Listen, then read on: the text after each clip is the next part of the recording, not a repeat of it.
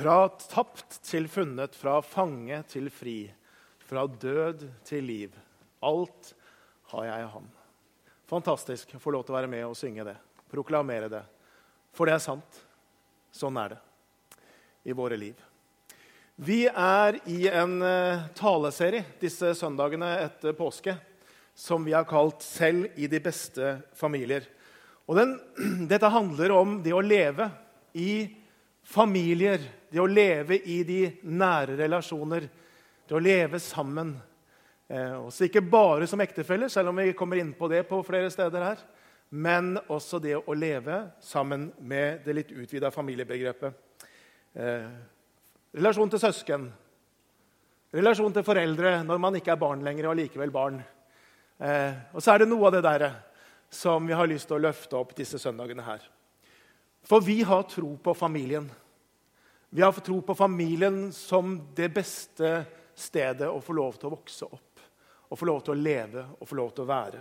Familien på sitt beste tenker jeg, det gir den trygge, stabile, gode ramma hvor barn kan få lov til å vokse opp, sosialiseres, modnes, få ansvar og bli trygge og gode voksne etter hvert. Familien på sitt beste betyr en stabil og trygg ramme for ektepar, for mann og kvinne å leve sammen. Familien på sitt beste betyr bekreftelse, tilhørighet, røtter, ubetinga kjærlighet.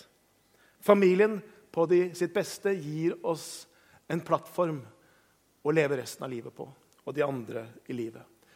Så det er noe av det vi skal snakke om disse søndagene her. For hvordan er det å leve i disse nære relasjoner?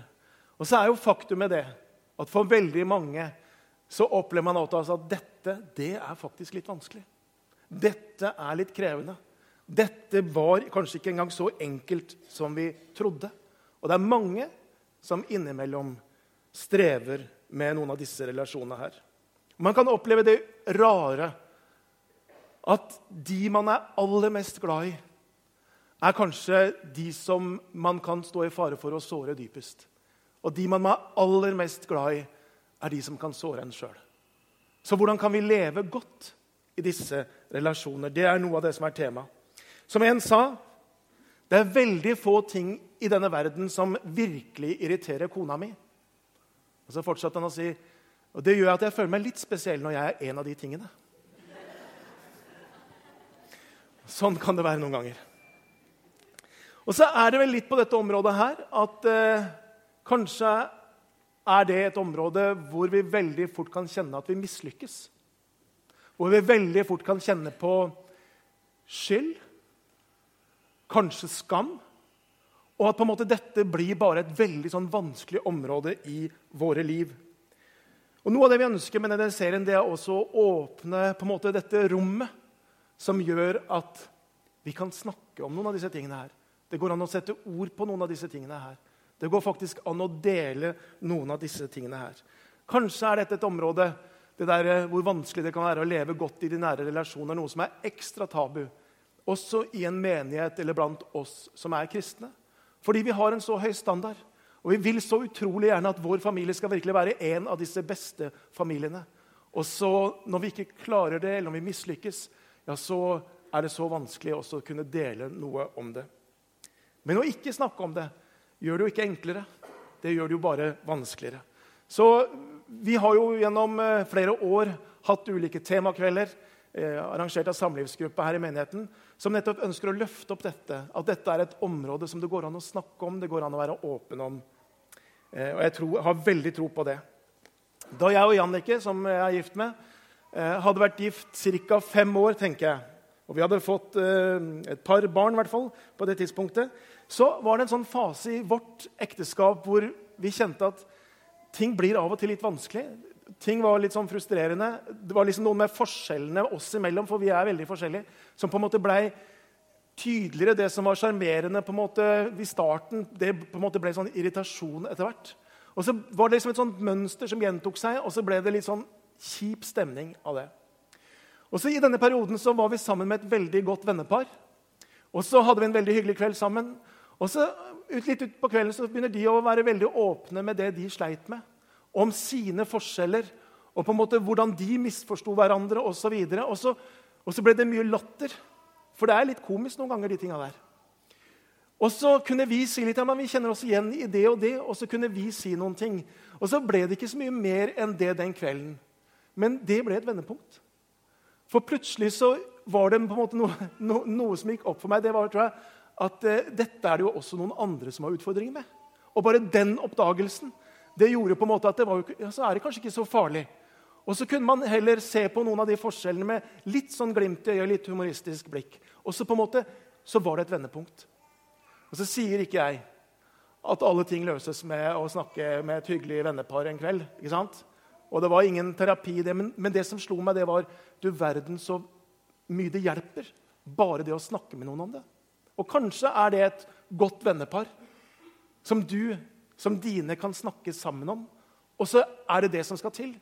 Kanskje kan man bruke nærfellesskapsgruppa si. Eh, kanskje går man som par sammen der og så kan man ha en tematikk, og så kan man dele om det. Kanskje er det eh, å gå til forbønn, sånn som det er mulig her etterpå. Sette seg ned, dele noen ting, og så få forbønn. Og så hjelper det å dele, og så hjelper bønnen.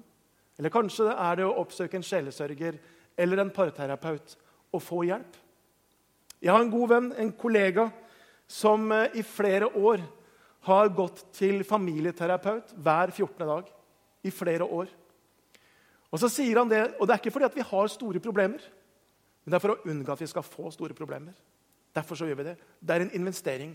Og så sier han veldig ofte når vi er på en måte i vei til bilen til denne parterapeuten, så sier vi til hverandre, han og kona I dag har vi jo ingenting å snakke om. har vi det? Nei, de har ingenting. Og så kommer de der, og så er det noen åpne spørsmål, og så oppdager de jo ja, men det var jo noen ting det var godt å snakke om i dag også. Det går an å forebygge med å bruke disse mulighetene som vi faktisk har, og som det er ganske mange av.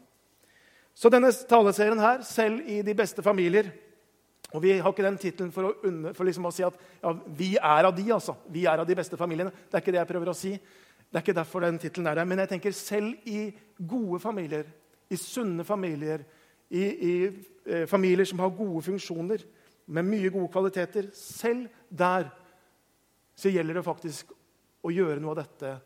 Å forebygge og jobbe med relasjonen og jobbe med hvordan vi lever sammen. Sånn at vi kan få lov til å ha gode liv og gode liv sammen. Som Per Arne Dahl sa på Liv og vekst for noen år siden. Han sa det eneste som kommer av seg selv, er forfallet også i familien. Så hvis vi ikke gjør noe med det, så er forfallet veldig fort en eh, konsekvens av det. Så Det er noe av det vi ønsker å tematisere disse søndagene. Vi har hatt én allerede, og så kommer det to til. Så jeg har lyst til å anbefale det. Bibelen har veldig mye å si om det å leve sammen. Veldig mange konkrete, praktiske råd. og Derfor så er det herfra vi henter både tekstene og prinsippene vi skal snakke om i dag. I dag skal vi innom flere tekster, men eh, vi tar i hvert fall utgangspunkt i to. og Særlig den første. En fra Kolossebrevet og en fra Romerbrevet. Og så skal vi lese sammen fra Kolossebrevet kapittel 3 og fra vers 12. Og Der står det, og vi leser i Jesu navn Dere er Guds utvalgte, helliget og elsket av ham. Kle dere derfor i inderlig medfølelse og vær gode, milde, ydmyke og tålmodige, så dere bærer over med hverandre og tilgir hverandre hvis den ene har noe å bebeidre den andre. Som Herren har tilgitt dere, skal dere tilgi hverandre. Og Så skal vi ta en tekst til fra Romerbrevet. Fra kapittel 15 og fra vers 7. Må tålmodighetens og trøstens Gud hjelpe dere alle til å vise enighet etter Jesu Kristi vilje. Da kan dere samstemt og med én munn prise Gud, vår Herre Jesu Kristi Far. Ta derfor imot hverandre slik Kristus har tatt imot dere, til Guds ære. Så skal vi be. Kjære himmelske Far. Jeg takker deg for evangeliet som eh, slår oss over ende, Herre. At det har møtt oss sånn som vi sang i sangen. Fra fange til fri, fra død til liv, fra tapt til funnet. Det er evangeliet i våre liv, Herre. Du har møtt oss. Og så ber jeg Jesus Også for denne dagen her og for dette temaet vi skal snakke om, som for noen av oss berører oss i noe av det mest sårbare i våre liv. Og kanskje i våre dypeste nederlag, Herre. Og så ber jeg at du skal komme med evangeliet og med nåde, Herre. Eh, og så skal du betjene oss i formiddag. I ditt navn vi ber. Amen. Disse tekstene sier flere ting, og vi skal komme tilbake til det. Men jeg har lyst til å peke bare på to ting som er felles i disse tekstene. her. For det står i, nei, i Kolosserne 3 og vers 13 så står det som Herren har tilgitt dere, skal dere tilgi hverandre. Og i Romerbrevet kapittel 15 og vers 7 så står det Ta derfor imot hverandre slik Kristus har tatt imot dere. Hvilket prinsipp er det vi ser her? Jo, prinsippet er dette. Sånn som Kristus er mot oss. Sånn er vi tenkt, sånn er kallet over vårt liv til å være mot de andre. Slik Kristus har tatt imot oss, skal vi ta imot den andre, de andre. Slik Kristus har tilgitt oss, skal vi ta imot de andre. Det er det som er kallet eh, for oss, og måten å leve i relasjoner på. Og kanskje ikke minst i de nære relasjoner. Og Er det ett ord tenker jeg, som mer enn noe karakteriserer hvordan Kristus møter oss på, så er det nåde. Og Derfor er dette tema. I, selv i de beste familier trenger vi nåde. Eh, vi trenger nåde å få, vi trenger nåde å gi. Så det er det jeg har lyst til å snakke om i dag. Slik er det Kristus tar imot oss. Jeg tenker, når vi ble frelst, Hvordan var det vi ble frelst? Jo, vi ble frelst av nåde. Ikke sant? For av nåde er dere frelst. Når vi vandrer med Jesus her nede hver eneste dag, ja, så er alt det der det er av nåde. Når vi får lov til å stå i en eller annen tjeneste, så er også det bare av nåde. Det er ikke en prestasjon vi gjør, men bare det, det er av nåde. Paulus sier, 'Ved nåde er jeg det jeg er.' Og han snakket om å være apostel. Det er av nåde. Og når vi blir utrusta til å stå i en tjeneste ikke sant? Hvilken, hva kalles den utrustninga? Jo, den utrustninga kalles nådegaver. Dobbel nåde. Både nåde og gave. Så alt i vår relasjon med Kristus er nåde. Og det er det på en måte et sånt grunnleggende ord i forhold til vår relasjon til Kristus. Og så er da utfordringen slik jeg har gjort mot dere, skal dere gjøre mot hverandre. Slik jeg har gitt dere nåde, skal dere gi nåde mot de andre. Slik jeg har møtt med tilgivelse, med overbærenhet, tatt imot, tjent og gitt sitt liv. Ja, slik skal vi være mot de andre. Bjørn Eidsvåg han eh, ga i 2006 ut en, eh, en plate, en, et album, som heter 'Nåde'. Altså, når jeg skulle google på det, så tenkte jeg det var vel i fjor? var det ikke det? Nei, det var i 2006. ikke sant? Tida går fryktelig fort. Men, men da husker jeg at han var på Skavlan, eh, som kanskje da het Først og sist. til Og med. Eh, og så fortalte han om den nye plata sånn. Og så spør Fredrik Skavlan ja, men hva, hva er egentlig nåde. Og så forklarte han det på en eh, kanskje en annen måte enn jeg ville ha gjort det, men det på en måte satte seg litt fast hos meg. For han sa ja, nåde det er å få eh, det som er ubetinga. Det blir møtt med på en måte som vi ikke fortjener. Og så sa han hvis min kone ikke hadde møtt meg med nåde igjen og igjen, og igjen, så hadde ikke vi vært gift lenger. Og så har det på en måte satt seg fast, akkurat det der hos meg. Ja, jeg tror det faktisk må være et element av dette i våre samliv. Nåde. Så det er det vi skal se, om, se på. Nåde. Eh, To-tre setninger om hva nåde ikke er, eh, for det er også viktig. Bare at vi rydder litt eh, ground her. Men nåde er aldri noe du kan kreve av den andre. Og Det sier seg litt sjøl, men det kan hende at vi av og til tenker det litt sånn allikevel. Nåde kan vi ikke kreve å bli behandla med. Det vi i beste fall kan på en måte kreve å bli behandla med, det er jo å bli behandla rettferdig. Ikke sant? Hvordan er rettferdighet? Jo, det er at hvis jeg betaler 50% så betaler du 50% inn i dette forholdet. Hvis jeg gir, eh, eller hvis jeg gjør noe for deg, så skal du gjøre noe tilbake. Ikke sant? Det er et slags rettferdighetsprinsipp. Vi må gjøre likt i dette huset her. Alle må bidra, osv. Og, og det kan vi i relasjoner på en eller annen måte forvente av hverandre. At vi skal bli behandla rettferdig. Og noe av det vi kan kreve, det er av og til at vi kan kreve vår rett. Eh, hvordan da? Ja, I en arveoppgjør så er det noen juridiske ting som definerer faktisk eh, sånne ting. Og barn har våre, altså, som er våre barn, de har lovmessige rettigheter. Det er noe som vi som foreldre faktisk plikter. Bl.a. å sørge for tak over hodet osv. Så, videre. så det er noen ting som handler om hva som er på en måte eh, rettighetskrav, og så er det noen ting som er rettferdighet. Det kan vi på en måte forvente. Men det vi ikke kan forvente, det er at noen behandler oss med nåde. For hvis med en gang vi gjør det, hvis jeg er i en eller annen diskusjon med Jannicke, og så har jeg kanskje blemma meg ut igjen og igjen og igjen på et eller annet område, eh, og så liksom er hun litt irritert, og så sier jeg ja, men slapp av, du må behandle meg med nåde. Ikke sant? Så ja, Dere skjønner med en gang at det, det løser ikke den greia der. for å si Det sånn. Det er bare bensin på bålet. Ja. Det er noe som ligger etter. Nåden på en måte i natur må gis fritt og frivillig. Ellers så blir det ikke nåde. Nåde kan vi ikke kreve av den andre. Og Da betyr det også at nåde er jo ikke noe vi kan kalkulere inn i forholdet.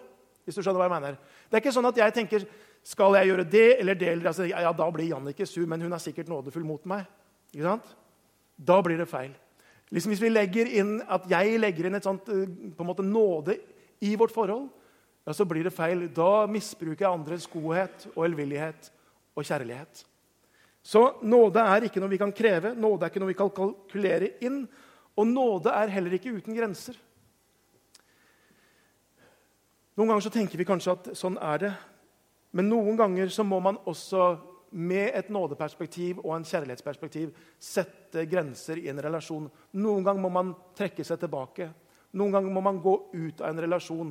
Noen ganger må man faktisk si stopp og sette en grense hit og ikke lenger. Noen ganger må man også det. Og man behandler den andre med aldri så mye nåde. Det kan være en person som har noen trekk eh, som er av maktmenneskeart eller manipulerende art, eller andre typer mønster som bare gjør at her ødelegges jeg, her ødelegges han, her ødelegges de andre. ikke sant? Og så må man sette noen og trekke noen grenser.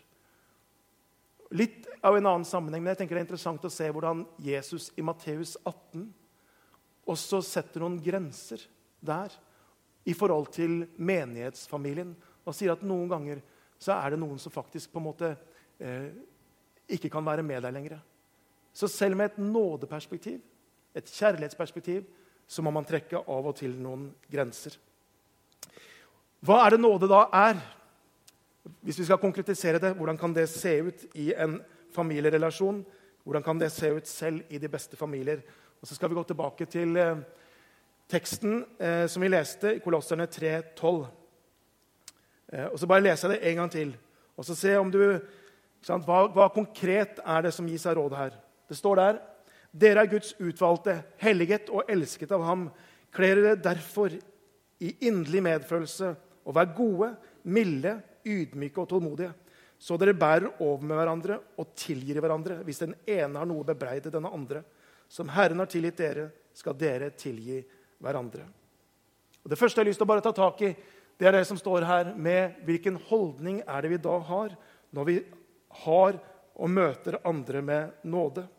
Det står noe om at når vi har møtt Guds godhet, når vi har møtt Guds kjærlighet, når vi har erfart og blitt tilgitt, ja, så går det faktisk an å møte den andre med medfølelse, med tålmodighet, med ydmykhet og med mildhet.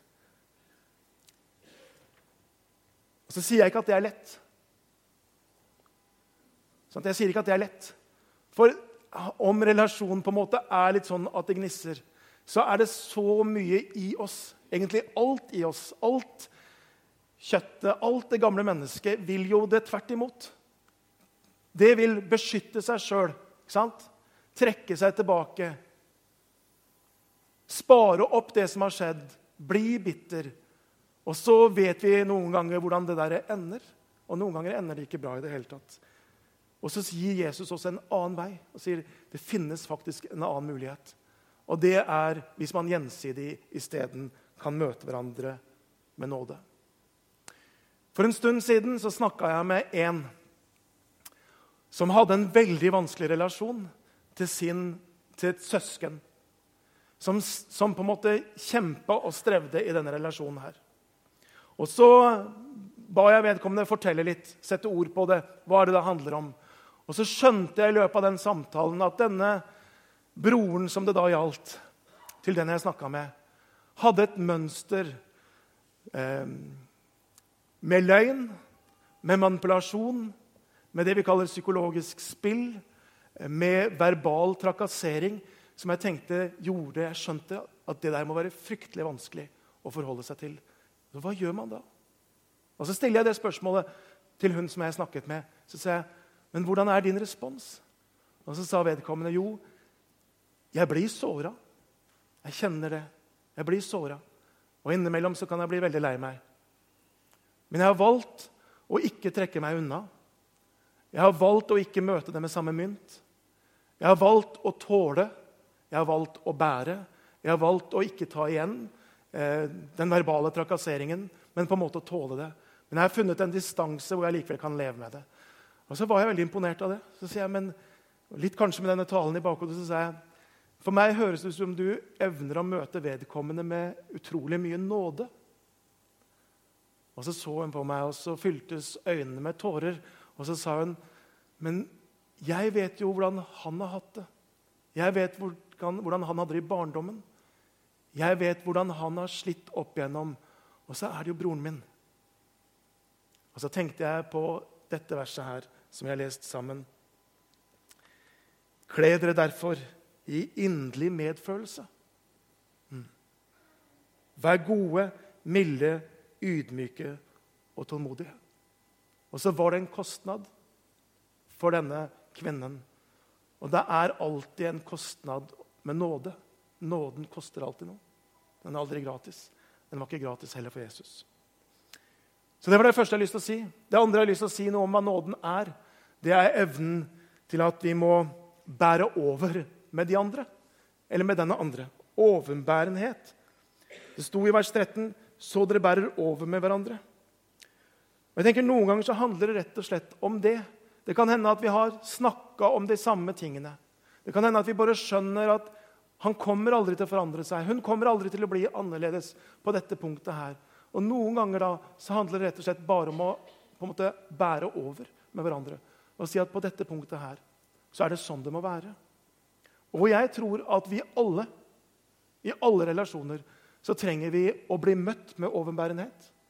Og vi trenger å møte de andre med mye overbærenhet. Komponisten Roderick McFlaren forteller om sin bestemor og hvordan hun på gullbryllupsdagen sin avslørte for de nærmeste hemmeligheten bak hennes og ektemannens gode samliv. Og Så er de samla der, den nærmeste familien, og så forteller hun følgende at på bryllupsdagen min for 50 år siden så bestemte jeg meg for én ting. Jeg sa til meg sjøl jeg skal sette opp en liste over ti ting som er feil ved min mann men som jeg pga. at vi er gift, og ekteskapet, vil bære over med. Ti ting. Og så var det en av de som eh, var der, som spurte men bestemor, kan du røpe noen av de ti tingene. Og så sier hun, for å være ærlig, så skrev jeg aldri opp den lista. Men, sier hun, men når han gjør noe som gjør meg hoppende sint, så sier jeg til meg sjøl Nå var du heldig nå at det der sto på den lista.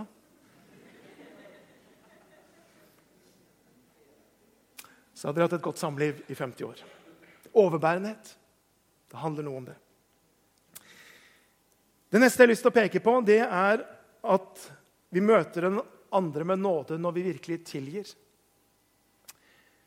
Eh, og jeg skrev 'virkelig tilgir', for noen ganger så sier jeg ja, men det er greit, jeg har tilgitt deg, og så har vi jo ikke det. Vi har jo ikke vært gjennom de prosessene. Sånn at vi mener ikke så mye med det, egentlig, annet enn ordet. Men når vi virkelig tilgir, så møter vi den andre med nåde. Um, og så jeg tror Så lenge vi mennesker er her nede, så lenge vi er on this side of heaven, så uh, kommer vi til å måtte praktisere dette. Vi må tilgi hverandre, og vi må tilgi hverandre kanskje ganske ofte. Og til og med ganske mye. Og er det, når vi leser disse tekstene, er det noe som egentlig går igjen igjen, igjen i disse bibelske tekstene om hvordan leve sammen, så er det dette med tilgivelse. Kanskje det som går igjen oftest. Jeg tror ikke det er tilfeldig. Jeg tror vi på en måte, Der møter vi på noen ting igjen og igjen. Det å tilgi hverandre. Og virkelig tilgi hverandre. Billy Grahams kone Ruth hun sier at et godt ekteskap det blir det når begge to er virkelig gode på å tilgi hverandre. Og det tror jeg er riktig. Tilgivelse det hindrer at denne avstanden vokser mellom oss. Det hindrer at bitterheten vokser opp. Det hindrer på en måte eh, at vi ikke får gjort opp, og det bringer nåde inn i relasjonen. Det er tilgivelse gjør. Og Som et fjerde punkt, eller kanskje punkt 3b, egentlig, for det handler noe om dette med tilgi, så tenker jeg det å møte med den andre med nåde handler også om å ikke gjemme på det vonde. Og ikke gjemme på det vonde som vi har snakka ut om, som vi har blitt tilgitt eller tilgitt hverandre for, og som vi har lagt bak oss. Ikke gjemme på det og plukke det opp igjen ved en senere anledning som liksom et kronargument. Men du gjorde jo det da. Og så tenker jeg hvor lett er ikke det å gjøre? Og så har vi sagt at vi har lagt det bak oss, og så allikevel så plukker vi det fram i den rette anledningen eller den feile anledningen. Du verden så lett det er å gjøre det. Så det tenker jeg, noe om bringe nåde inn i forholdet, det handler jo også på dette punktet om å la det ligge. Legge ting bak seg. Ikke holde det gamle mot den andre, men bestemme seg for det. Ha en kjøreregel. Er det tilgitt, er det gjort opp, ja, så lar vi det ligge. Og så tror jeg det bringer masse nåde inn i forholdet. Og i den samme så tenker jeg En god øvelse i den settingen det er å unngå uttrykk som 'typisk deg'. Ja, typisk deg. Eller 'alltid skal du'. Aldri kan du. Sant? Og så har vi med oss en rekke av episoder i bare to-tre ord. Jeg tenker, Ha en kjøreregel. Ikke bruk det. Ikke bruk det overfor din ektefelle. Ikke bruk det overfor dine barn. For det vi gjør med den type måte å snakke på, hva er det? Jo, istedenfor å på en måte sette fokus på det som har skjedd, at det du gjorde, var feil, så blir jo fokuset du er feil. Istedenfor at det skal handle om skyld, det var du som gjorde det, du må gjøre opp, så blir det skam. Du burde skamme deg, for sånn er du. Så bare med noen sånne små ord så på en måte åpner vi noen helt andre rom enn det som er nådens rom. Så unngå de begrepene. Typisk deg. Nå igjen. Du gjør alltid. Kan du aldri. Fire enkle punkter ut ifra Kolosserne 3 lyst til å sitere to, eh, to, mennesker som har sagt noe om dette. her. En sjelesørger som heter Rod Edmonds. Han har sagt følgende Det er litt langt, men jeg har det på tavla, så leser vi. En sjelesørger jeg skal se, Etter å ha arbeida i mange år med ekteskap, inkludert mitt eget, har jeg kommet til en konklusjon. Ekteskap som sliter, mangler ofte én nøkkelingrediens. Det er noe som når den mangler i en relasjon, vil forårsake problemer i forholdet. Den manglende ingrediensen er nåde. Når nåden brukes riktig i et forhold, er det utrolig hva som skjer. Hvis ekteskapet sliter, er én løsning å tilføre enda mer nåde. Selvfølgelig må det to personer til for å få et ekteskap til å fungere. Men det er en måte å forbedre forholdet på. Forholdet er innskudd av nåde. Når begge parter er nådefulle med hverandre, kan ekteskapet bli fantastisk. Og det tror jeg på. En annen, som heter Tim Kimmel, som har skrevet boken 'Grace Filled Marriage', han sier ironisk nok har mange ektefeller lettere for å vise nåde til folk de ikke kjenner godt, enn til sin ektefelle som Gud kaller oss til å elske på en helt spesiell måte. Og Så fortsetter han. Mye av skuffelsen og smerten i et ekteskap kan spores tilbake til et fravær av nåde. Bare dette å strekke seg langt for å møte din ektefelle med nåde kan gjøre under når det gjelder å styrke ditt ekteskap og forvandle det til en enhet hvor både du og din ektefelle kan blomstre. Nåde. Selv i den beste familie trenger vi nåde. Skjønner dere hva jeg snakker om? Mm. Er dette Nytt? Nei, dette tror jeg sikkert vi vet om og kjenner til. Er det lett å praktisere? Nei, det er ikke lett å praktisere. Derfor så trenger vi å minnes om det. Så kanskje etter denne søndagen så går det an å reflektere nettopp noe over dette her. Hvordan er jeg i denne relasjonen? Har jeg noe å hente på dette punktet?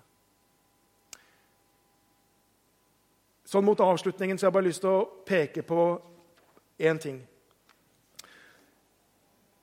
Og at på dette området her så berører vi noen ting som for mange av oss gjør at vi kan kjenne på en smerte. Vi kan kjenne kanskje på skyld og kanskje på skam på ulike i de relasjonene vi står i. Kanskje er det fordi at ekteskapet som du var i, det gikk i stykker. Og så blir det liggende der på en måte, som du tar med deg. Eh, som en skam og som noe som er vanskelig. Som en sa til meg Mitt samlivsbrudd det er mitt livs største nederlag. Jeg kommer aldri over det. Og Det kan hende at det gikk i stykker, selv om man på en måte forsøkte å gjøre alle de rette tingene. Allikevel så hender det at det går i stykker. Og Så blir det liggende der, og så blir vi liksom aldri helt ferdig med det. Eller det kan være at du ser tilbake på når du var foreldre og ditt barna var små, og så tenker du at jeg ikke kunne vært litt annerledes som mamma, som pappa. Vært mer til stede. Vært mer nådefull eller tålmodig eller satt mer grenser, eller hva det nå enn er. Og så kjenner vi på en måte det der. Jeg angrer så på det. Og så blir det liggende der som skyld og som skam, og så blir vi aldri ferdig med det. Eller kanskje er det at du liksom aldri får til det der å møte de familien, de nærmeste, de du er glad i, på en sånn måte som du skulle ønske. Og så har du prøvd og prøvd og prøvd. Og så har jeg lyst til å si at på dette området her, ja, så kan det hende at vi må gå til noen og si unnskyld. Og ta den ydmykende samtalen og, kan, og be kan du tilgi meg. Som ektefeller, som foreldre, der vi lever. Det kan hende at vi må gå til Gud og så be kan du tilgi meg for denne synd. Men når vi har gjort det, så er det likevel en del som ikke på en måte lar, klarer at det slipper taket. Det blir likevel liggende der. Man blir aldri fri det. Så det siste jeg har lyst til å si på en måte her i denne talen, det er Gi også deg sjøl nåde. Eller for å si det på en annen måte ta imot den nåden som Gud gir deg. For det er viktig for deg og for den relasjonen du står i, at ikke en sånn følelse av skyld, av skam, av mislykkahet blir liggende der som en mørk sky over ditt liv og de relasjoner du er i. Ta imot den nåden som Gud gir. To viktige bibelsteder i den sammenhengen. Johannes 1,9.: Dersom vi bekjenner våre synder, er Han trofast og rettferdig, så Han tilgir oss syndene og renser oss fra all urett. Så når vi går til Han, erkjenner, bekjenner, så har vi dette løftet. Han er trofast og rettferdig. Renser oss fra all urett, tilgir oss syndene. Og Hvis du kjemper med dette og ikke kunne tilgi deg sjøl, grip tak i dette verset. Grip tak i det verset. Det er Guds ord. Det er sannhet. Det er sannhet til deg. Og Så står det et til. For selv om hjertet fordømmer oss Det hender av og til. Så står det at Gud er større enn vårt hjerte. Han vet alt. Han vet din smerte, han vet dine anger, han vet din bekjennelse og din synserkjennelse. Gud vet alt. Han er større i ditt hjerte. En filippinsk pastor hadde gjort det han opplevde og jeg vet ikke hva det var, men hadde gjort noe som han opplevde som en utrolig stor synd i sin ungdom. Han blei aldri ferdig med det. Han gikk og kverna og kverna på dette. Det tok fra han frimodigheten i tjeneste. Det tok nattesøvn fra han. Han, han. han, bar det så tungt. Han gikk til den ene sjelesørgeren etter den andre. Han gikk til samtale, han fikk syns... Eh, bekjente sin synd osv. Men det slapp ikke taket. Og Så var det en kvinne som var innom menigheten hans, som hadde en profetisk gave. og Så oppsøker han denne kvinnen og sier, 'Jeg har gjort noe fryktelig i min ungdom. Jeg blir aldri ferdig med det.' 'Kan du se om du har et ord fra Herren til meg?' Så vet jeg ikke hva han var ute etter, men han spør om akkurat det. Kan du ha, kan du ha et ord fra Herren? Og Så går denne kvinnen for seg sjøl forsøker å be og lytte. Har jeg et ord fra Herren? Til han. Og Så møtes de igjen, og så sier denne kvinnen vet du hva, jeg tror jeg har et ord fra Herren til deg. Når jeg snakka med Herren om din synd, så var det dette jeg syns jeg hørte. Herren sier, 'Jeg aner ikke hva du snakker om'. Aner ikke hva du snakker om. For sånn er det når Gud tilgir. Sånn er det når Gud tilgir. Det står nå i Mika 7 Herren skal kaste alle våre synder i havets dyp. Glemselens hav brukte vi av og til som et uttrykk. Ja, Der ligger de syndene. Og Jeg tenker Det på en måte er også noe vi må ta inn over oss sjøl. At når det er oppgjort overfor mennesker, når jeg har bekjent min synd overfor Gud, ja, da gjelder det faktisk at jeg tar imot den nåden, tar imot hans syndstilgivelse, og ikke tar det opp igjen igjen og igjen. Så kan det være noe der vi må lære, og det er en annen sak. Men å leve godt i de nære relasjoner, sånn som jeg snakka om i dag, handler tror jeg, først og fremst Utgangspunktet det er sjøl å forstå nåden og ta imot og erfare Guds nåde i våre liv. Forstå nåde og ta det imot i våre liv. Hvis vi ikke tar imot nåde i våre liv, så er det veldig vanskelig å skulle gi det til andre. Um, og så kan vi gjøre noe med hva som påvirker våre tanker og vår tankeverden. For tankene påvirker følelsene, som påvirker handlingene våre. Derfor er det så utrolig viktig. Hva er det på en måte jeg lar bli en del av min tenkning? Og Der tenker jeg å lese Guds ord, være med i en nærfellesskapsgruppe, gå på gudstjenester, fylle seg av mer som er Guds ord, Guds sannheter, Guds tanke for relasjoner og familie. Det er så viktig. Og det har aldri vært viktig, for vi står i et sånt massivt press som har helt annen verdier, helt annen tenkning. Skal vi kunne leve i dette, så må vi på en måte bruke de mulighetene til at Gud får forme våre tenkning. Og så tenker jeg Den samtalen som du har med deg sjøl når, når, vi snakker med oss sjøl, det er din sterkeste stemme. Og det er de samtalene som du har med deg sjøl, snakke relasjonen opp og ikke ned. Snakke med deg sjøl om det flotte i den andre, om det er barn eller ektefelle, og ikke snakke det ned. Det er utrolig viktig. Det kommer til å gjøre noe med følelsene dine og med dine valg. Vær bevisst. Og det siste jeg har lyst til å si, lag Gud ransake deg. Spør Gud inn i dette temaet her. Hvordan er liv, mitt livsmønster? Og er det noe der som, som du kan be Gud om å korrigere i ditt liv? For nåde er ikke bare et ideal, nåde er også en kraft. Sånn at vi kan be Gud ved sin ånd og ved sitt ord om faktisk å forme dette i oss.